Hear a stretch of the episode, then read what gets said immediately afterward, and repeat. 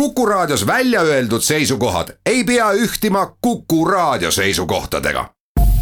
Te kuulate Kuku Raadiot.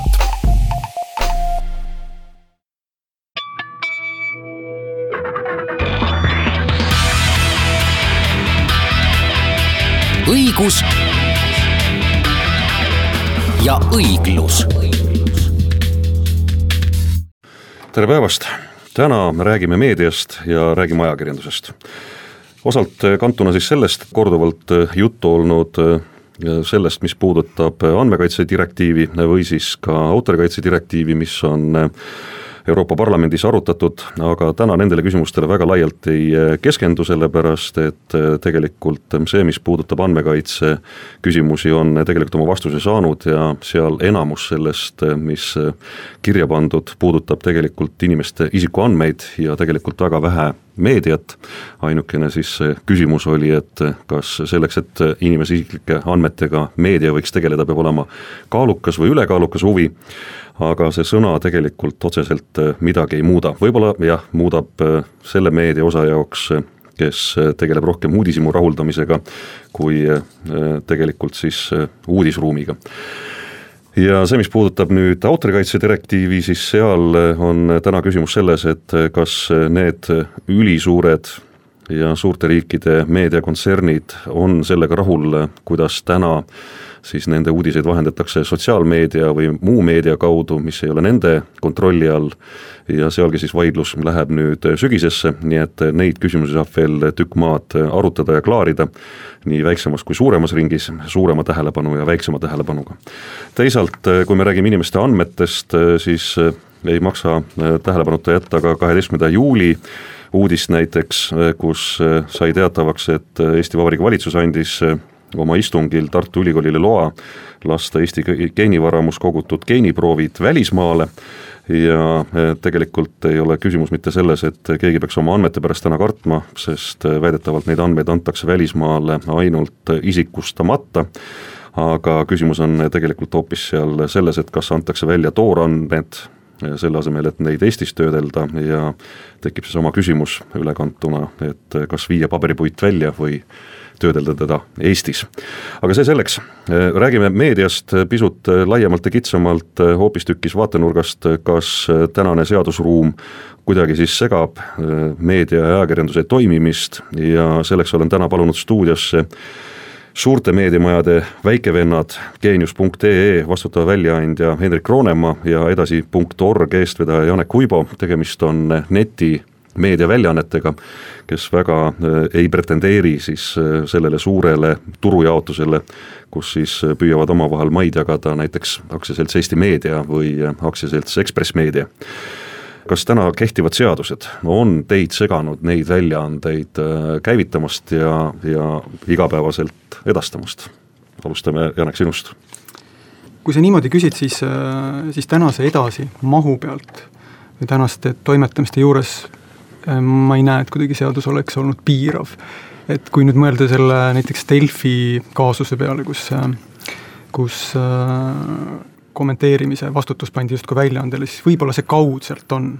sest edasit äh, ei saa täna lugude all kommenteerida veebis. see on sinu valik või sa kardad? ei, see on, see on, see on selles mõttes teadlik valik olnud, aga võib-olla sellel on kaudne mõju, kuivõrd, äh, kuivõrd see eeldab teatavat ressurssi siis modereerimiseks, kontrollimiseks, kõigeks, mille, millele siis uuel meedial väga suurt ressurssi ei ole, et siis see ühest küljest oli kaudne mõju jah, see on selline filosoofiline küsimus, mille sa esitasid, et ma, ma mõtlesin, et kas ma saaks ei no kui sa hakkasid geeniust tegema, kas sa mõtlesid selle peale, et kas seadused lubavad? Ei, ei kindlasti ei mõelnud, aga kuna seadusi on ka väga palju, on ju, siis kui sa küsid, et noh, et kas ma olen geeniust tehes nüüd peaaegu kolme aasta vältel mõnda seadust rikkunud, ma ei tea.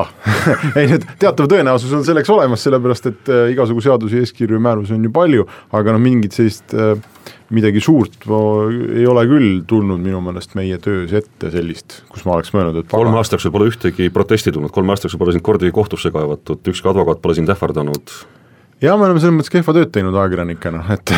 ma pean tunnistama, ei natukene me oleme vahetanud äh, välismaiste äh, suurfirmadega kirju mm, sel teemal, et mida võib avaldada ja kas me oleme nõus vas-, maha võtma netist mingit infot, mille me oleme üles pannud või mitte, aga siis see, need asjad on ka alati üles jäänud seal on siis küsimus selles, et kas teil on olnud õigus avaldada neid asju? no nii-öelda jah, et nad, et kust me oleme saanud mingisuguse info, mille me oleme noh, et mille me oleme avaldanud, et kas me oleme, et nemad väitsid, no üks case oli lihtsalt, kus üks suur firma väitis, et me, et meie reporter allkirjastas kõigepealt NDA, eks see on siis see leping, ma ei tea, kuidas see eesti keeles on, sina võib-olla tead või, ühesõnaga see leping, kus sa kirjutad alla, et ma, et ma tean, aga ma ei räägi, eks ole, enne, enne teatud kuupäeva näiteks, selline vaikimiskohustusega leping. Ja siis me tõestasime ära, et äh, ei, et see ei ole, et me saime selle info hoopis mujalt ja see tuli teistmoodi. aga nad tükk aega pommitasid meid igasuguste väga kurjade kirjadega, siis me vastasime ilusti vastu, viisakalt. aga see ei ole nagu, ma arvan, et seal ei olnud seadust, seadustega eriti nagu midagi pistmist. lõpuks, lõpuks ilmselt oleks olnud, aga ma ei tea isegi, millise riigi jurisdiktsioonis. kui te avaldate pilte äh,, videosid, materjale, kas te siis äh, piinliku täpsusega jälgite, et mida te tegite? kas teil on õigus seda avaldada? sest noh, ma olen nii edasist mm -hmm. näinud pilte näiteks, kohe jõuame sisu juurde, ma olen näinud geeniuses pilte, äh, ja, ja, ja seal on näiteks küsimus selles, et noh, kaude see puudutab ka seda teemat, mida -hmm. millesse me sügavuti sisse ei lähe, aga mis on, puudutab seda autorikaitse direktiivi. jah, meil on, ei ole probleemi sellega, et meil on teatud pildipangad, mida me ostame, kus, mida meil on siis õigus kasutada, internetis on ka terve hulk tasuta pildipanku või siis Creative Commonsi litsentsidega kaetud äh, pilte. Ja no ja kui te teete ise pilti, siis te ise avaldate? me mõnikord teeme ise, aga meil on, mis, mis äh, puudutab sellist noh, näiteks tehnoloogia või autoajakirjandust, et miks seda on pildi mõttes hea teha, on see, et me kirjutame hästi palju toodetest. Ja toodete, tootja on väga huvitatud, et me nendest kirjutaks ja siis noh, pressipilte lihtsalt on hästi palju äh, saada. Ja neid, neid meil on iga kell õigus avaldada ja edasi puhul ma võin sama öelda, et ma kasutan tasuta pildipankasid. Üldjuhul ja Creative Commonsi litsentsiga kohti, et et äh, tasulisi pildipankasid üldjuhul ei kasuta, et on mõningaid, et äh, pigem on need äh, tasuta pildipangad, jah. Aga tulles nüüd sisu juurde, et see on tegelikult see, mis määrab selle, et kas teid külastatakse, kas teid jälgitakse, sellepärast et Geenius.ee on väga selgelt orienteeritud mitte sellele, et teil, et teil ei võiks annetusi teha, aga te ei ole läinud seda nii-öelda annetamise teed. edasi on läinud seda teed, et kui teile sisu meeldib, toetage meid. ja see üleskutse on seal all tõesti. siis see on, külastatavuse tagab see, mida te pakute ja, ja, ja küsimus on kõigepealt Hendrik sulle, et kui me vaatame geenius.ee-d, et kas see on meedia, kas see on ajakirjandus? sest teie keskkonnas on ka sisuturundust jah äh,, me ise oleme küll veendunud, et me tegeleme, noh meedia on ta päris kindlasti, eks ole, ja ja meie oleme ka veendunud, et ta on ajakirjandus, sest meie enda jaoks on väga selged piirid olemas, mis on, mis on ajakirjandus ja, ja, ja kust algab sisuturundus, et iga makstud piuksatus ja, ja tähemärk meie keskkonnas on alati märgistatud, märgistamata reklaami meil mitte kunagi ei ole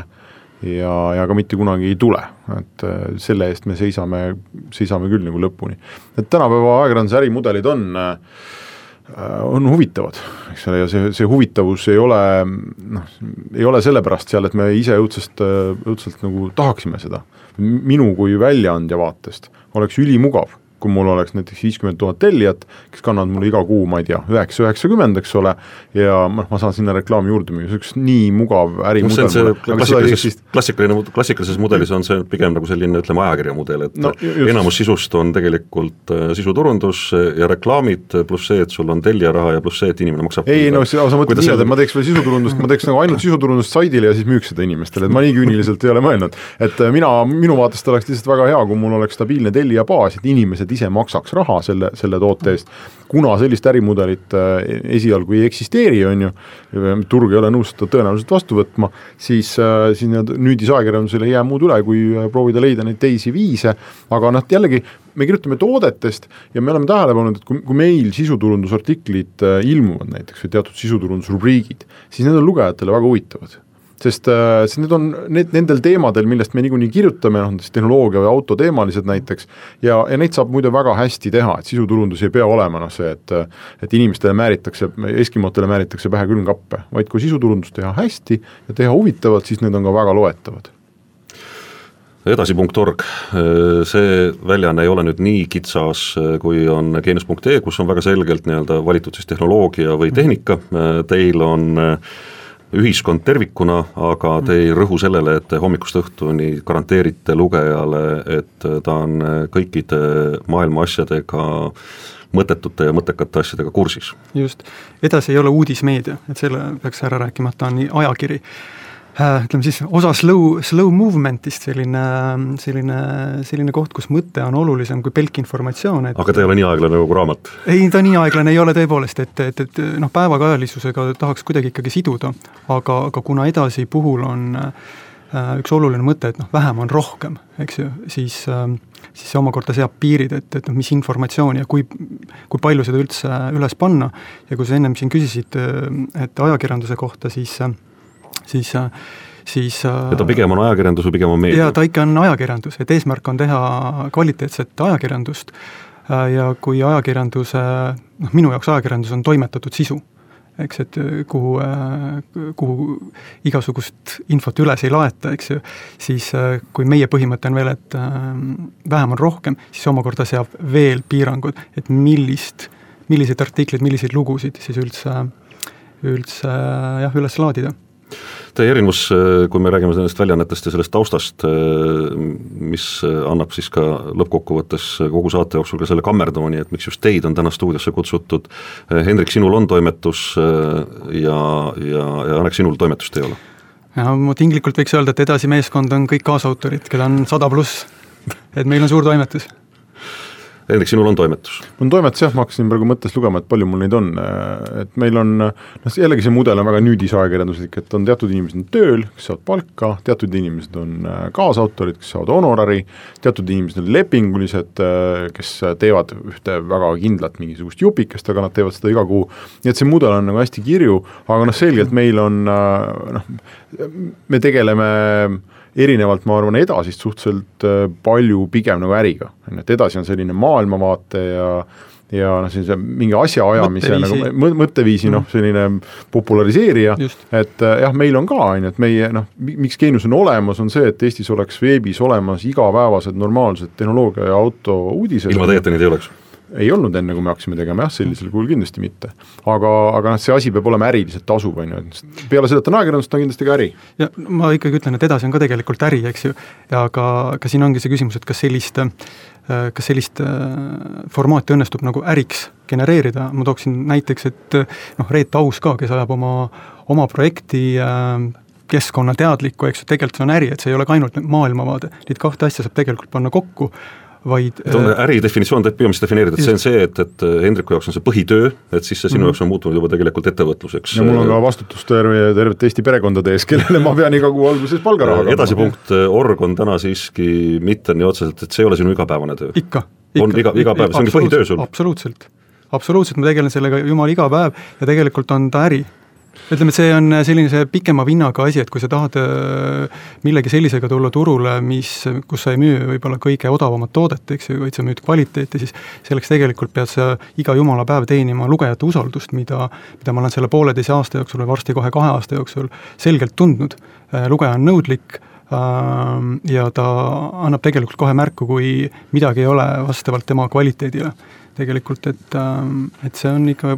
see on ikka äri, aga ta on selline pikema vinnaga. Need äh, kaks pluss aastat, mis sedasid on äh, tehtud, selle jaoks sinul ka ei ole olnud vaidlusi advokaatide, autorite, kõrvalseisjate, ma ei tea kellega, et, et, et õigusruumi nii-öelda paragrahvidega oleks äh, uksest sisse tormatud? üks juhtum mul oli ühe välismaa fotograafiga, see tuli pigem kohe teadmatusest, kasutasin ühte fotot ma isegi ei mäleta, kust ma selle täpselt sain, Äh, ja, ja siis kuidagi leiti see veebis tuli niimoodi välja ja siis võeti advokaadi poolt ühendust, aga me saime niimoodi klaaritud, et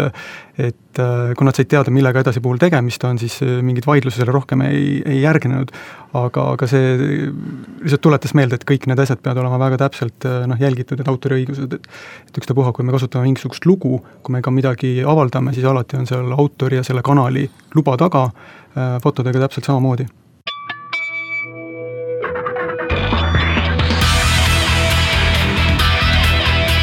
Õigus ja õiglus jätkame tänast saadet, stuudios on geenius.ee vastutav väljaandja Hendrik Roonemaa, edasi.org eestvedaja Janek Uibo, saatejuht Janek Luts. esimeses saate osas püüdsime siis ülevaadet saada, millega on tegemist, kui me räägime sellistest väljaannetest, mis ilmuvad ainult nii-öelda bitvoos ja ei kasuta surnud puitu ja neid klassikalisi mudeleid, mis eelmise sajandi jooksul on meediamaastikul välja kujunenud nii Eestis kui maailmas. Teie ärimudelid on äh, suhteliselt kitsad, suhteliselt väiksed, äh, aga kindlas oma äh, nii-öelda nišis või oma grupis te saate väga hästi hakkama ja nagu saate esimeses osas selgus, seadusruum otseselt teile mingeid takistusi teinud ei ole, olgu see siis autori küsimused, uudishimu küsimused, kõik sellised asjad, mille pärast täna väga suured meediamajad on, on mures ja eriti, kui me vaatame suuri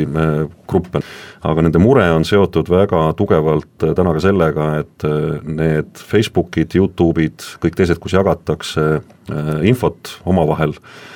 seal tihti siis ka nende materjal, viited nende materjalide jooksevad läbi. kui me võtame edasi, kui me võtame geeniuse, millist, millist rolli sotsiaalmeedia teie väljaannete jaoks mängib? jälgite te näiteks taustal, kust, kust teie lugeja tuleb? ise, ise, isegi võib-olla liiga palju vaatan täna neid numbreid, et äh, võib-olla sportlik huvi ka, aga sotsiaalmeedial on suur roll ikkagi selle tuntuse kasvatamisel ja, ja, ja lugejate tegelikult leidmisel. et, äh, et sama, samal ajal ma ütleme, edasi puhul me tegeleme küll ka sellega, et inimesed kas salvestaksid edasi ikooni näiteks oma koduekraanile juba või siis teeksid selle avaleheks, eks ju anname neile põhjusid selleks, tuletame vahepeal meelde, et vähendada sotsiaalvõrgustiku mõju, sellepärast et kui sa jääd liiga palju lootma sotsiaalvõrgustikule, sa pead ikkagi aru saama, et et see on, Facebook võib ühel hetkel midagi kinni keerata, muudab mingisuguseid reegleid, algoritme, reegleid, eks ju, ja ja tegelikult su fännibaas on kadunud, su lugejad on mõnes mõttes kadunud, sa ei saa sellele oma äri rajada tegelikult. ta on hea selline agregaator, aga, aga, aga jah, et me tegeleme selle poolega ka. täna loomulikult hästi suur osa tuleb ikkagi endiselt sotsiaalvõrgustikust, aga ma olen vaadanud, hakkab tulema orgaanilist äh,, orgaanilist äh, otsingut. Geenius.ee äh, liiklusest ma arvan, täna küll alla poole tuleb sotsmeediast ja aga see protsent alguses oli peaaegu sada. nii et ta on nüüd aastatega kukkunud, mida rohkem su mm. selline bränd tuntuks saab ja mida rohkem need, need sinu veebiaadressi tähed on inimestel sõrmeotsades sees, eks ole, seda, seda rohkem siis sotsiaalmeedia osakaal kahaneb ja, ja noh, ka Google ja, ja otsetulijad nagu kasvavad, aga no näiteks autoportaal, mis meil on ju alles äh, issand, ma nüüd ei mäletagi, ta ei ole, võib-olla aastake on või mingi vähe aega tegutsenud, siis seal on Facebooki osakaal nagu väga-väga suur, see on, ma arvan, ta on kuuskümmend, seitsekümmend protsenti. no teie erisus kummalgi on, mõlemal on ka see, et teie äh, materjal, mida te avaldate, ei ole maksumüüri taga mm, -hmm. täna Just, veel mm. -hmm. annab eelise, teeb te elu raskemaks ma arvan ikkagi, olles ise ajakirjandusharidusega ja, ja noh, kandes neid ideaale, mida sealt äh, Tartu Ülikoolist meile, meile anti kaasa, eks ole. seal ei ole kunagi räägitud, vähemalt minu mälu, mälu järgi, et jagage kõike tasuta. ei, seda mitte ja vastupidi, just nimelt, et seal on ikkagi äh, noh, ne-, ne-, see pisik ikkagi või see arusaam minus, et ajakirjanikul on ühiskonnas ka roll, noh see ei ole mingi lihtsalt raha nii-öelda sissetulemise ja väljaminemise kokkulugemise äri, vaid et ajakirjandusel on mingi teistmoodi mõte ühiskonnas, eks ole, et see on minus väga tugevalt sees ja seetõttu ma olen ikkagi väga veendunud, et äh, ma ei tea, demokraatliku ühiskonna tervise nimel mingil hetkel peab see ärimudel ikkagi minema sinnapoole, et inimesed hakkavad uuesti sisu eest maksma, kui palju, kuidas, mis sisu eest, milliste kanalite eest, see on kõik lahtine. aga selle paneb turg paika lõpuks. selle paneb turg paika, aga põhimõtteliselt mina ei usu väga pikalt sellesse olukorda, kus noh, kümnete või sadade inimeste igapäevane töö ja vaev, ajakirjanike töö ja vaev, mingisuguse maagilise võtme läbi, eks ole, kõigile tasuta kättesaadav ja siis kõik on jõle õnnelikud selle üle. see on mingi vaheetapp ja, ja, ja kuskil leitakse see tasakaal uuesti üles no me näeme ka suurte välismaa ju ja ka, Eesti lehed, aga välismaa lehed eriti ka raporteerivad, kui kiiresti neil ikkagi need tasuliste tellijate hulk kasvab, nii et yes. ma arvan, et see läheb normaalsuse suunas tagasi äh, ta ei jõua kunagi sinna, kus ta oli, või noh, ma loodan, et ta ei jõua kunagi sinna, kus ta oli nõukaajal, kui kõik tellisid äh, kultuuriajakirju, on ju, suure raha eest. sest ainult niimoodi nad saavad ikkagi päriselt dikteerida, mis see sisu on, mida nad tahavad ja, ja, ja noh, kelle jaoks see väljaanne tegelikult siis olemas on, kas oma lugeja, kui paljud on lugejate jaoks, kui paljud on reklaamiandjate jaoks? Hendrik vastas väga hästi, et, et me oleme ka uurimas erinevaid võimalusi, eks, aga aga ma, ma olen ka seda meelt, et täna lihtsalt ühiskonnas kehtib mingisugune vaikiv kokkulepe, nii nagu mul üks sõber kunagi ütles, et see ja kolm punkti peab olema tasuta. ehk et see, et see kvaliteet või see tase on siis tõenäoliselt tarbijate jaoks nagu nii madal, et nad näevad, et nad peavadki sellist asja tasuta saama. ja nüüd on, et kelle küsimus seda kvaliteeti äh, kruttida või timmida niimoodi on ja ma leian, et see on tegelikult äh, noh, meie kui tegijate või siis väljaandjate küsimus, et tuleb lihtsalt näidata ja piisavalt äh, heal tasemel seda siis teatud aja jooksul teha, et tarbija hakkab seda brändi usaldama, tekib see usaldus ja, ja, ja need muutused juhtuvad, et, et see ei pea olema tasuta. edasi.org, noh, klaari muidugi selle ka, et, et, et täna te olete küll tasuta nii-öelda teie lehele tule, tulejale, aga noh, teie Geenius näitab seal reklaami, seal on sisuturundust sees, teil on ka reklaam. juba reklaam sees mm., toetused, aga, aga kui me räägime näiteks autoritest, rohkem sellist ühiskondlikku materjali on edas.orgis mm -hmm. kindlasti, kui on mm -hmm. Geeniuses, autorid, kes teile kirjutavad, äh, vaadates nende nimesid, äh, aimates nende elustandardit, siis tõenäoliselt mm -hmm. nad teie käest väga suuri honorare ei oota. Nende, nende, neil peab olema mingi, mingi muu motiiv, miks nad teie juures avaldavad oma materjale tegelikult on, võiks öelda niimoodi, et see on samamoodi maailmaparanduslik projekt, et selle üle noh, võib nalja visata, aga, aga tegelikult me tunneme äh, et äh, sellises võib-olla turvalisemas ühiskonnas äh, on kõigil parem elada lõppkokkuvõttes, et seda, seda infot on, on selgelt liiga palju ja kõik ei ole nii oluline. ja nüüd on see, et äh, kui kuskil tekib mingisugune initsiatiiv, mis ütleb, et näete, siin on üks väljaanne, kes tahab pakkuda sellist kvaliteetsemat sisu, kui ta suudab seda mingi kriitiline aeg pakkuda, siis minu lootus on, et äkki lugeja leiab selle üles ja ütleb, et okei okay,, ma lähen sinna natukene appi et ma toetan seda, tegelikult ei olegi väga palju vaja erinevatelt lugejatelt, kõik lugejad niikuinii ei ole valmis ei, ei annetama ega võib-olla ka, ka tasu maksma, aga kui sinna tekib üks, üks kriitiline mass inimesi taha, siis see tähendab koheselt seda, et saab pakkuda kvaliteetsemat sisu. Tegelikult inimesed on hästi erinevad, et et need võib-olla, keda me peame potentsiaalseteks inimesteks, kes on nõus selle tasu, tasulise sisuga, on need, kes kes väärtustavad kvaliteetset meediat, näiteks ajakirjanduse arengut, eks ju, sest inimeste huvid on erinevad. keegi leiab, et, et talle pakub huvi, ma ei tea, võib-olla meditsiin või mingid muud valdkonnad, ta seisab nende väärtuste eest, eks. vist kolm protsenti kuni viis protsenti on neid inimesi võib-olla, kes on valmis lugejatest tegelikult äh, siis tasu eest maksma. et mida, mida rohkem sul neid lugejaid on, siis see kolm-viis protsenti võiks täitsa vabalt ära elatada väikese portaali, aga nüüd see küsimus on tõenäoliselt see, et et mõeldakse, no mis see minu kolm või viis eurot ikka aitab. tegelikult aitab see, see liikumine hakkab esimesest sammust tegelikult. et äh, ja, ja lihtsalt tõenäoliselt on aeg mina usun, et äh, see on aeg. ma arvan ka, et on aeg, sest kui sa ütled täna on kolm kuni viis protsenti, siis see, see, see on protsent, mis kindlasti kasvab ajas mm.. meil on lihtsalt vahepeal olnud paarkümmend aastat seda nii-öelda tasuta, nii-öelda kõik on kaheksateist aastat. Äh, noh, sa, sa mäletad mm, -hmm. või mina ei mäleta, kuna need esimesed, aga nad seal kuskil aastatuhande vahetuse paiku tulid, eks ole. noh, sellesse, noh, selle nii-öelda piiripostile olnud aastasse kaks tuhat. jah, ütleme nii, et noh, ütleme ligi kakskümmend aastat sellist muutus äh, andmeside suhteliselt paljude jaoks ja, ja ta muutus suhteliselt kiireks Äh, ja, ja, ja siis tuli see nii-öelda online meedia. no aga me oleme kakskümmend aastat inimesi harjutanud sellega, et meedia on tasuta, meedia on tasuta, meedia on tasuta, noh nüüd läheb lihtsalt teatud aeg, kuni me harjutame mm. neid sellega, et päris kõike alati ei ole tasuta ja võib-olla sul siiski oleks mõistlik selle eest maksta. just nimelt nende lugeja enda huvides tegelikult, et hästi lihtne on öelda, et, et ei ole midagi lugeda või liiga palju on või viletsa kvaliteediga ja nii edasi mm., tegelikult saab lugeja otsustada seda väga selgelt. ja kui ta näeb, et mingid olulised positiivsed muutused on toimumas, siis äh, noh, oleks arukas enda kasu huvides mõelda, et kas ma saan kaasa aidata kuidagi. vaata internetis on üldse, mitte ainult Eestis, vaid kõikjal maailmas on üks selline noh, kuri konstant, ma isegi ütleks Jüri Saare sõnadega, et et kõike tehakse alati kõigile et kui sul on mingisugune, ma ei tea, sotsiaalmeedia või mingi veebiteenus, eks ole, äh, kus on, ma ei tea, vähem kui miljard klienti või miljard kasutajat, noh siis öeldakse sulle, et no mis sa üldse otsid siit, et sa oled ju täiesti mõttetu. ja Eestis ka samamoodi, et noh, me teeme meediaväljaannet, noh, ma pean ka lihtsalt istuma siin ja ütlema, et mul on kakssada tuhat unikaalset lugejat, sest see on see valuuta, mis selles tasuta maailmas maksab. Ma ei valeta, mul ongi, ma võin Google'it jagada, kui te tahate, aga see iseenesest ei ole ju tähtis. ega kuskil ei ole kirjas, et, et Hendrik Roonemaa peab istuma ja tegema Geenius EE-d ja autogeeniust kahesajale tuhandele inimesele. ma, äkki ma tahangi teha kahekümnele tuhandele see, see, ma ei pea jõudma ju miljoni Eesti inimeseni. ma, ma tahan jõuda võib-olla väga, väga väikse hulgani, aga täna mul ei ole lihtsalt teist varianti, ma pean seda kuu kasutajanumbrit taga ajama selleks, et reklaamiturul olla konkurentsivõimeline et sa ei saa meeldida absoluutselt kõikidele, sa ei saa kõikidele seda teha, väljaannet, aga kui sa oled oma asja ajades äh, aus ja see paistab välja, siis ta peaks ühel hetkel kõnetama neid õigeid inimesi ja sealt võiks see kasv hakata tulema, et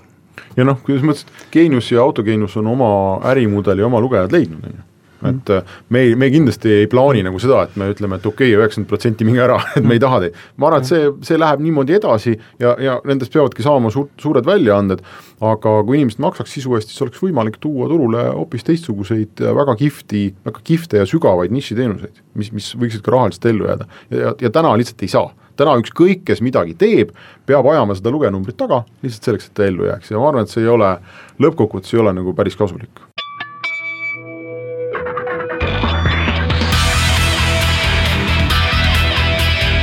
Õigus ja õiglus. Jätkame tänast saadet ja räägime meediast, kantuna sellest, et tegelikult kas täna kehtiv seadusruum tegelikult siis piirab kuidagi seda, et vaba sõna ja vaba ettevõtlus meedias ja ajakirjandus oleks kuidagi pärsitud, me ei analüüsi seda mitte paragrahvide rägastikus, vaid läbi selle kogemuse, mis on nendel kahel suhteliselt väiksel väljaandel, kui me näiteks paneksime teid taustsüsteemi Ekspress Meediaga või aktsiaselts Eesti Meediaga, siis te olete marginaalsed justkui, aga teil on oma koht ja oma roll ja, ja tegelikult te olete siis need uue meedia väljaanded, kes levivad ainult bittidena siinkohal muidugi näiteks täpsustuseks, et kui, kui rääkida sellest meediast, mis bittidega levib, siis tõenäoliselt toimub siin murrang lähiaastatel ka televisioonis ja raadios, kus ütleme, need lineaarsed kanalid, kes täna vabalevis on nii-öelda õhklevis, et see õhklevi piirang kukub ka küljest ära, kui tuleb tõesti see 5G ja see kataks näiteks kogu kogu näiteks Eesti riigi territooriumi, siis sellisel juhul ei ole tähtsust, kas sa kuulad midagi FM-is või üle, üle 5G või ka telepilt samamoodi. et äh, küsimus on tihti ainult äh, siis äh, selles, et millise bitrate kvaliteediga sa kätte tahad seda saada ja nii edasi, aga ärme sellesse lasku. Teie jutus on korduvalt kõlanud sõna usaldus. see on ka see, millest ju viimased viis-kuus aastat on räägitud, fake news, alternatiivsed faktid, alternatiivsed teooriad, usaldus, usaldus, usaldus ja, ja, ja siis tuleb mängu ka see, et kas neid vahendeid ei kasutata selleks, et ässitada, muuta meelsusi ja, ja, seada ohtu ka äh, tegelikult siis demokraatia, maailmarahu ja mis kõik veel sinna otsa. Äh, siis enda jaoks ja toimetuses olete siis kuidas selle defineerinud niimoodi, et teie toimetuses kõik sellest ühtemoodi aru saavad või kui sa, Janek, näiteks lugusid valid, äh, mismoodi sa kontrollid, et, et, et näiteks selles loos avaldatud faktid või selles loos viidatud asjad oleksid õiged? ütleme edasi, kaasautorite puhul on oluline kriteerium see, et nende, selliste inimeste maailmavaadet võiks olla rohkem ja, ja loomulikult on, saab jällegi vaielda, see on ju subjektiivne valik, et kellegi jaoks on keegi kallutatud, kellegi jaoks ei ole, eks, et, et eelkõige, et seda maailmavaadet tublide inimeste maailmavaadet, tegusate, positiivse mõtteviisiga inimeste maailmavaadet oleks rohkem ja et sa ise oledki filter siis? ma olen ise suuresti filter jah, aga, aga selle edasi imago kujundavad tegelikult ikkagi kaasautorid. ma olen põhimõtteliselt selle platvormi looja või niisuguse keskkonna looja ja nemad loovad selle imago ja kas siis lugejad hakkavad seda keskkonda usaldama, seda jälgima või mitte, et see on väga palju nende teha. ja ma olen püüdnud neid inimesi leida siis erinevatest valdkondadest, vähemalt tänaseni, alati saab asju paremini teha, aga jõukohasel moel, äh, selliseid, kes on oma ala tundvad inimesed. Eks, et äh, ja jällegi läbi siis võib-olla mõnes mõttes enda filtri, aga ka läbi mõningate soovituste. Ja, ja siis see, millest nemad kirjutavad, mõnes mõttes noh, nende vastutus, aga kaudselt ikkagi selgelt ka, ka väljaande vastutus, et see, mida me siis pakume, et lugeja alati, kui ta avab edasi, siis ta teab, et et see on läbimõeldud tekst et see ei ole kuidagi niisama juhuslikult äh, sinna äh, uudiste pärast pandud, et noh, midagi peab olema. ja, ja need peavad olema sellised inimesed juba, kes otseselt ei pora-, polariseeri, ei vastandu, vaid äh, kelle juttu ka, keda juttu, kelle juttu saab nii-öelda nagu kuulata, et ma tahan kaasa mõelda. et ei pandaks kohe seda ust kinni, eks ja seal on nii autoriteetseid inimesi kui ka avalikkusele, ütleme, tundmatuid inimesi, aga kes on oma, omal alal siis äh, tegijad ma hakkasin mõtlema, me ei äh, sellised maailmavaatelised äh, debatid ja, ja väga vihased äh, sellised emotsionaalsed sööstud, mis minu valdkonnaga seonduvad Mac versus PC sellised, kus meid süüdistatakse, et Ford versus Opel. no just, et ühe või teise esindajad ja kinni makstud lakeid ja siis kõik midagi sellist, et meil, meil ei ole sellist ambitsiooni, et et me, et me peaksime selliste küsimustega nagu üldse tegelema. ma ei ole selles kindel, sellepärast et tehnoloogiamaailmas äh, nii-öelda fantaasia müümine uudise pähe, päris uudise pähe on tegelikult suhteliselt lihtne, vähemalt kui noh, ka maailma meediat äh, teinekord niimoodi sirvida no sellest me ei saa, ma olen kunagi sellest ka ise kirjutanud, et äh, kui sa töötad äh, tehnoloogia ajakirjanduses, ütleme ajakirjanduses, mis, mis kajastab kõike uut, noh tehnoloogia on ikkagi suhteliselt tehnoloogiaga saab hirmutada. võrd-, no saab jah, aga ta on võrdsustatud ka sellise noh, tehnoloogia on ikkagi midagi sellist, et sul iga päev tuleb mingi uus asi, mingi uus kvaliteet. siis noh, millest meie tööpäev koosneb, põhimõtteliselt koosneb sellest, et et me loeme läbi noh, ma ei tea, kümneid või sadu äh, nii-öelda uusi algatusi, keegi tegi, ma ei tea, uue telefoni, keegi ütles, et lendame Marsile, keegi tegi mingisuguse elektriauto, on ju. Keegi ütles, et ta analüüsis Facebooki andmebaasi ja kuritarvitas seda. No ja seal on noh, see, see on, see on nagu teine pool sellest, aga et me, me elame kogu aeg hästi palju selle keskel, et, et, et keegi tegi midagi uut, on ju, ja kuigi meile endale tihti tundub, et see on jube loll mõte, võib tunduda, siis me ei ole tegelikult selles positsioonis, kus me ajakirjanikena saaks öelda, et noh, et me ei ole selle poolt või see niikuinii sul ei tule välja. aga see on sama, sama konstruktsioon, mis on noh, ütleme poliitilisemal ajakirjandusel, kus ta noh, keegi käib, poliitik käib idee välja, siis hakatakse selle üle diskuteerima, on see loll mõte või ei ole? E, jaa, aga meie, meie ei diskuteeri, me oleme tegelikult ikkagi uudisväljaanne ja me peame seda vahendama, aeg-ajalt äh, ilmuvad meile arvamusartiklid, aga, aga meie, kui noh, paljudele võib tunduda, et me jookseme nende uute algatustega kaasa, siis jah, kui, kui seda nimetada põhimõtteks, siis me teeme seda, sest me arvame, et, et uue, millegi uue väljatoomine on nii keeruline ja, ja need edušansid on nii väiksed, et äh, noh, kes siis muu kui tehnoloogiaajakirjandus peaks ikkagi nagu noh, mõistlikult mitte, mitte nüüd äh, olema ihu ja hingega selle poolt, aga mitte ka tehnoloogiaajakirjandus ei peaks olema see, kes seda uut asja hakkab kohe alla tampima ja noh, vigisema sellise keskealise valge mehe kombel, et kellele seda vaja on ja miks ja mis te jamate ja tehke midagi mõistlikku, me ei ole see. et paljudele seetõttu tundub, et me oleme noh, sellised suured takkakiitjad, aga meie töö on julgustada uute asjade väljatulemist. Ja, ja noh, kui ei tule välja, siis ei tule ometigi äh, kumab teie jutust läbi, et, et, et justkui äh, kui te ütlete, et noh, et püüda kõigile meeldida, teha kõike ei suuda, kui vaadata kõrvalt, et kõige rohkem täna sellist nii-öelda sõjakat suhtumist või siis ka sellist kummalist arusaamatut suhtumist näiteks ka autorikaitse direktiivi suhtes on just suurte, väga suurte puhul, kellel noh, ülisuured, kellel on lausa nii, et sul on ühes otsas on kontsernis on filmistuudio, teises otsas on raadiojaamad, keskel on veel trükikojad, kuskil on veel mingid väljaanded, trükitud, mittetrükitud ja nii edasi, et, et siis sel-, väga suurte konglomeraatide aeg justkui siis teie ütlete, et võiks olla see järgmine etapp, kus ta peaks natukene killustuma rohkem? kui lugejad maksma hakkavad, siis, siis see paratamatult juhtumine, see annab teistele võimaluse. aga ma arvan, miks need suured korporatsioonid on, on võib-olla siin häälekamad olnud, et see, see on väga lihtne, need on lihtsalt ettevõtted, kellel on juba palgal äh, juriidilised osakonnad, eks ole, kümnete, sadade inimeste kaupa töötajaid, kelle tööks on siis otsida juri-, juriidikast neid võimalikke probleeme ja neid riske tuleviku jaoks maandada, eks ole, et sul on inimene, kes ütleb, et kuulge, et siin võeti vastu selline seadus, noh või tahetakse vastu tahetakse vastu võtta, kohe tuleb õudne jama, eks ole, meil ei ole ja ma arvan, mina ja Janek väga paljuski purjetame mm, -hmm. seilame õndsas teadmatuses mm, -hmm. sest meil ei ole juriidilisi osakondi, kes muretseks. ma arvan, see on sama näide, kui sa oled ühel hetkel, oled niisugune garaažifirma nagu Apple ja sul on IBM vastas, on ju, ja sa ühel hetkel muutud selliseks IBM-iks, mida keel, milleks keegi ei taha siis lõpuks saada, siis sul on teistsugused probleemid, meil ei ole täna neid probleeme. ja, ja võib-olla on, aga me ei tea neid. just, ja, ja selles mõttes kõik hästi, eks ju. jah, nõus ja, ja siis teil justkui väiksematel on lihtsam saavutada usaldust no, noh, ei ole, sellepärast et ega noh, te ei konkureeri täna oma klikkide arvuga ja vaatamiste arvuga suurte väljaannetega. seda küll, aga, aga lõppkokkuvõttes on äh, väga lihtne kõike ka ära rikkuda, et äh, kui tahta natukene ikkagi suuremaks kasvada ja see ambitsioon peab olema, et äh, siis sa saad ikkagi pakkud, pakkud, sa pead pakkuma sa pead millestki nagu eristuma ja üks eristumise koht täna on see, et kui ma edasist räägin näiteks, et et seal on sisu lihtsalt vähem ja see keskkond on puhas ja rahuliku disainiga ja see on läbimõeldud sisu ja seda kõike on vähem. et need on kaks nagu peamist punkti, mis võiksid panna lugejat edasi teelistama, et ta tooks näiteks päevas või üle päeva tooks ta korraks nagu meie lehele ka eks, et sa pead ikkagi lõppkokkuvõttes tegema seda asja kvaliteetselt, sa ei saa, sa ei saa usalduses mitte või kvaliteedis mitte kuidagi alla anda. suurte, on... teie jaoks suurte kvantiteet ei ole oluline? Ma arvan, et äh, ma ei tea ausalt öeldes, mis Neil, neil on nii palju horisontaale mm -hmm. noh, mida nad teevad ju sellepärast, et seda reklaami, mida nad müüvad, hajutada võimalikult mm -hmm. paljudele alamlehekülgedele. ma ei, ma ei tea ausalt öeldes ma ei saagi teada, eks ole, mis on mm -hmm. näiteks Delfi või, või Postimehe tehnoloogiarubriikide lugejanumbrid, aga ma arvan, et me ei saa nendest eriti palju seal maha jääda. see, see ei tundu mulle loogiline, ma arvan, et seal nišis me nende suurte suurusega konkureerime, aga me peamegi konkureerima, mul teeb küm-, üle kümne inimese iga päev seda tööd, mida, mida seal majades ei noh, tehakse palju vähema pingutusega. et, et me peamegi olema neist paremad kindlasti sisuliselt mm., aga ma arvan, et lõpuks ka numbritelt, vähemasti selles rubriigis just, et, et sa pead tegema midagi paremini, muidu öeldakse, et aga mingit vahet ei ole, siis ma loen mm. juba seda suuremat, eks ju kas te näete endale siis rolli, et äh, tasakaalustada seda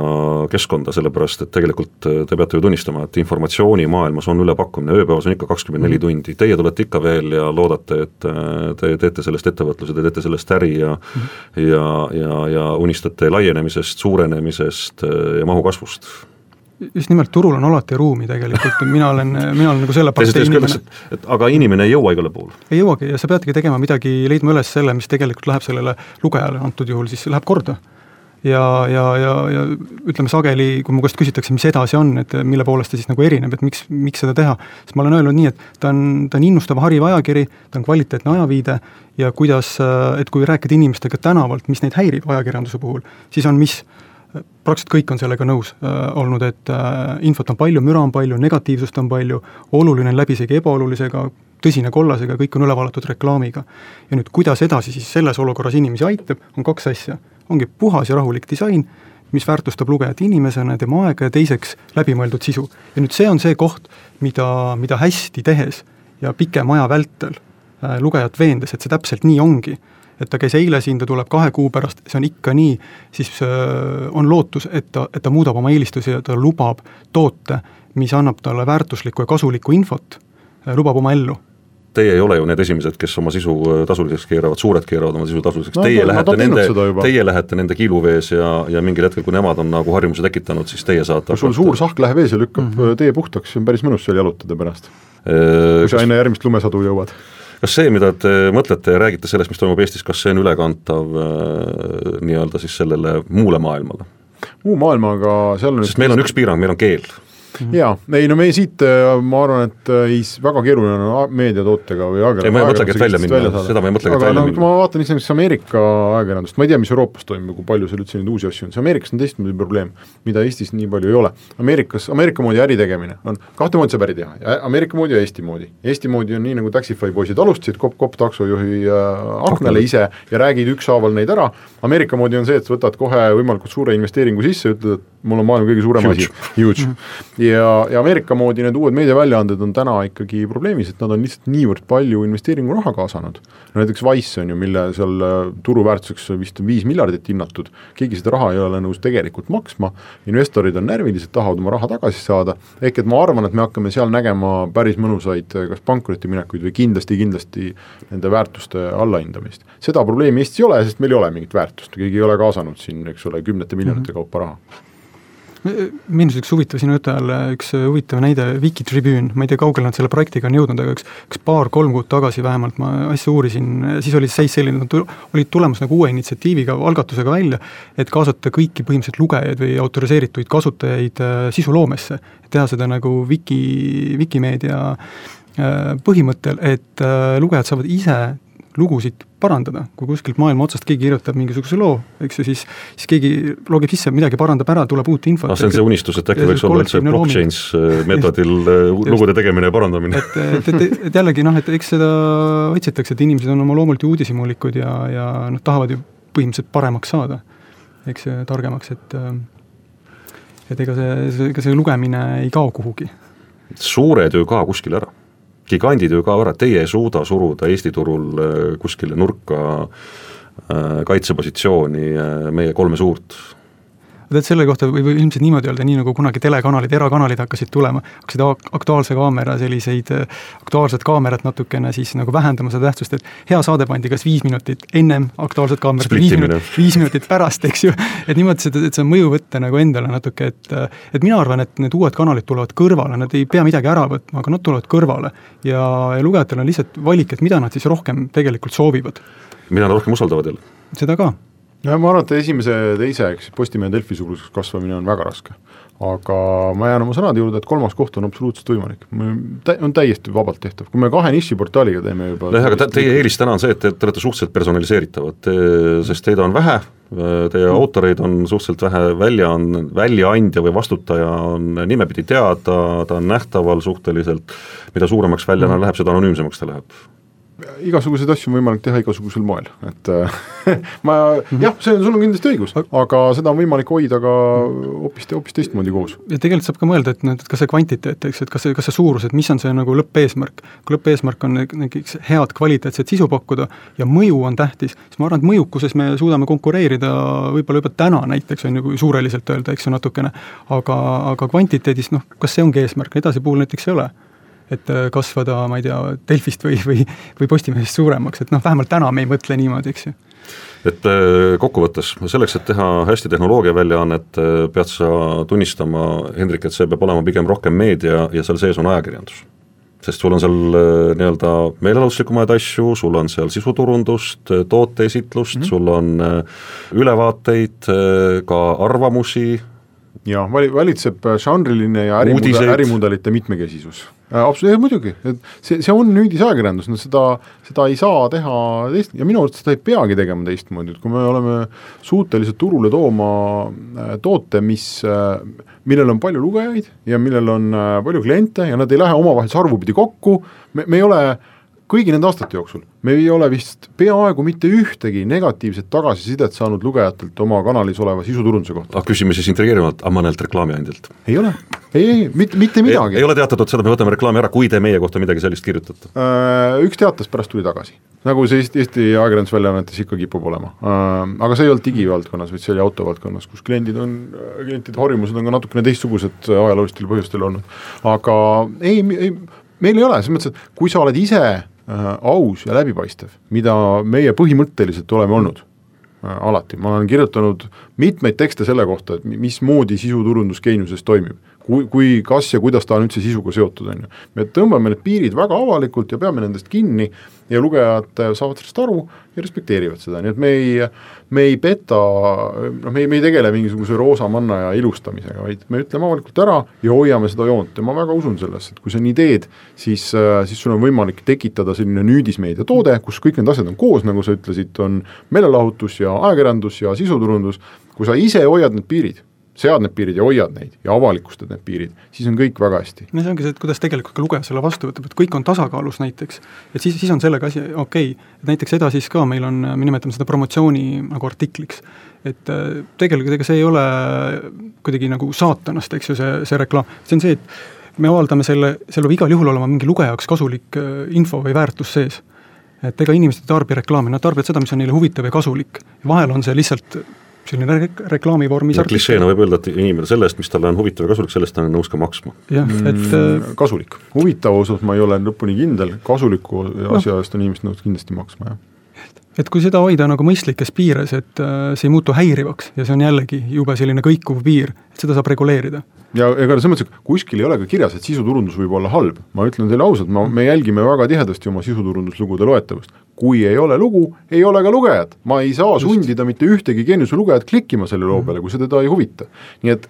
kes tahab ka sisuturundust teha, Eestis kvaliteet on väga kõikuv, need arusaamad on väga erinevad, mis on sisuturundus. hea sisuturundus on väga okei asi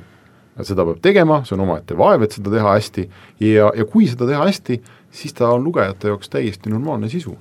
et äh, pilt artikli juures on illustreeriv, pealkiri on illustreeriv ja autori nimi artikli juures on illustreeriv. Ei, me ei tegele product placement'iga, sellisel kujul mitte. Äh,, ei, seda sa ei saa niimoodi teha. Äh,. sa ei saa, ei ole mõtet osta kuskile mingeid tohutut tasulisi lugusid sellest, et et mina olen kõige parem, minu toode on kõige parem ja meie maja on kõige ilusam, see ei huvita inimesi. Keel, eesti keel ei ole väga suur keelkond ja ometigi te püüate seal midagi ära teha ja tulla veel kõrvale siis väga suurtele samas me näeme seda uut nooremat põlvkonda, kes täna kasvab ilmselgelt juba vähemalt kaht võõrkeelt valdavana,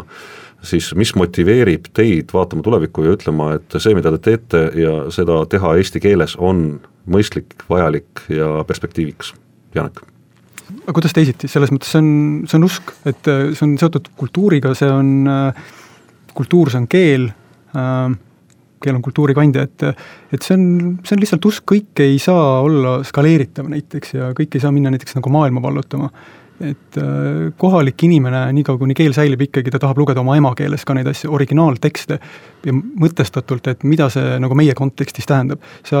kui keegi kuskil äh, muukeelselt kirjutab mingisuguste maailmasündmuste kohta, jah, see on huvitav, aga ju põnev oleks tegelikult teada, mida meie omad spetsialistid näiteks nende asjade kohta arvavad. jaa, see on üks äh, tehnoloogia-ajakirjanduse läbivaid müüte olnud, et äh, ma olen, ma tegin kaks tuhat viis ajakirja Digi ja siis inimesed küsisid mu käest ma irvitasin mitu korda sinule, et sa teed ajakirja Digi paberil. paberil ja eesti keeles veel ja et noh, et kõik, keda see huvitab, on ammu sellest inglise keeles lugenud. Mm., ja siis me hakkasime kolm aastat tagasi Geeniust tegema, siis inimesed tulid sama juttu rääkima, no kellele sa teed, kõik loevad inglise keeles, see on müüt, ei loe, eestlane armastab eesti keelt ja eestlane tahab lugeda eesti keeles, Eesti kontekstis Eestis olevate,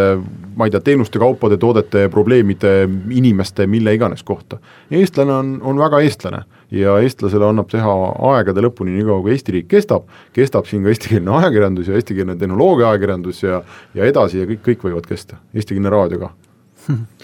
Aitäh, Hendrik Roonemaa, aitäh, Janek Uibo, selline oli siis tänane saade, kantuna siis kõikidest nendest väga keerulistest juriidilistest aruteludest, mida peetakse, mis puudutab andmekaitset, mis puudutab äh, autorikaitset äh, ja mis puudutab ka veel omakorda siis tururegulatsioone, et kas midagi on palju, kas midagi on vähe, kas sinna tuleks seadustega vahele minna, sest Eesti riik on täna veel siiski veel suhteliselt õnnelik selles osas, et meil ei ole spetsiaalselt meediaseadust, meil ei ole spetsiaalset ajakirjandusseadust keegi püüdnud kunagi teha. Ja vaatamata sellele on Eestis võimalik teha ka täiesti uusi väljaandeid sellel kahekümne esimesel sajandil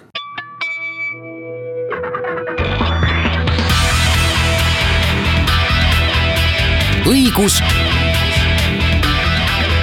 ja õiglus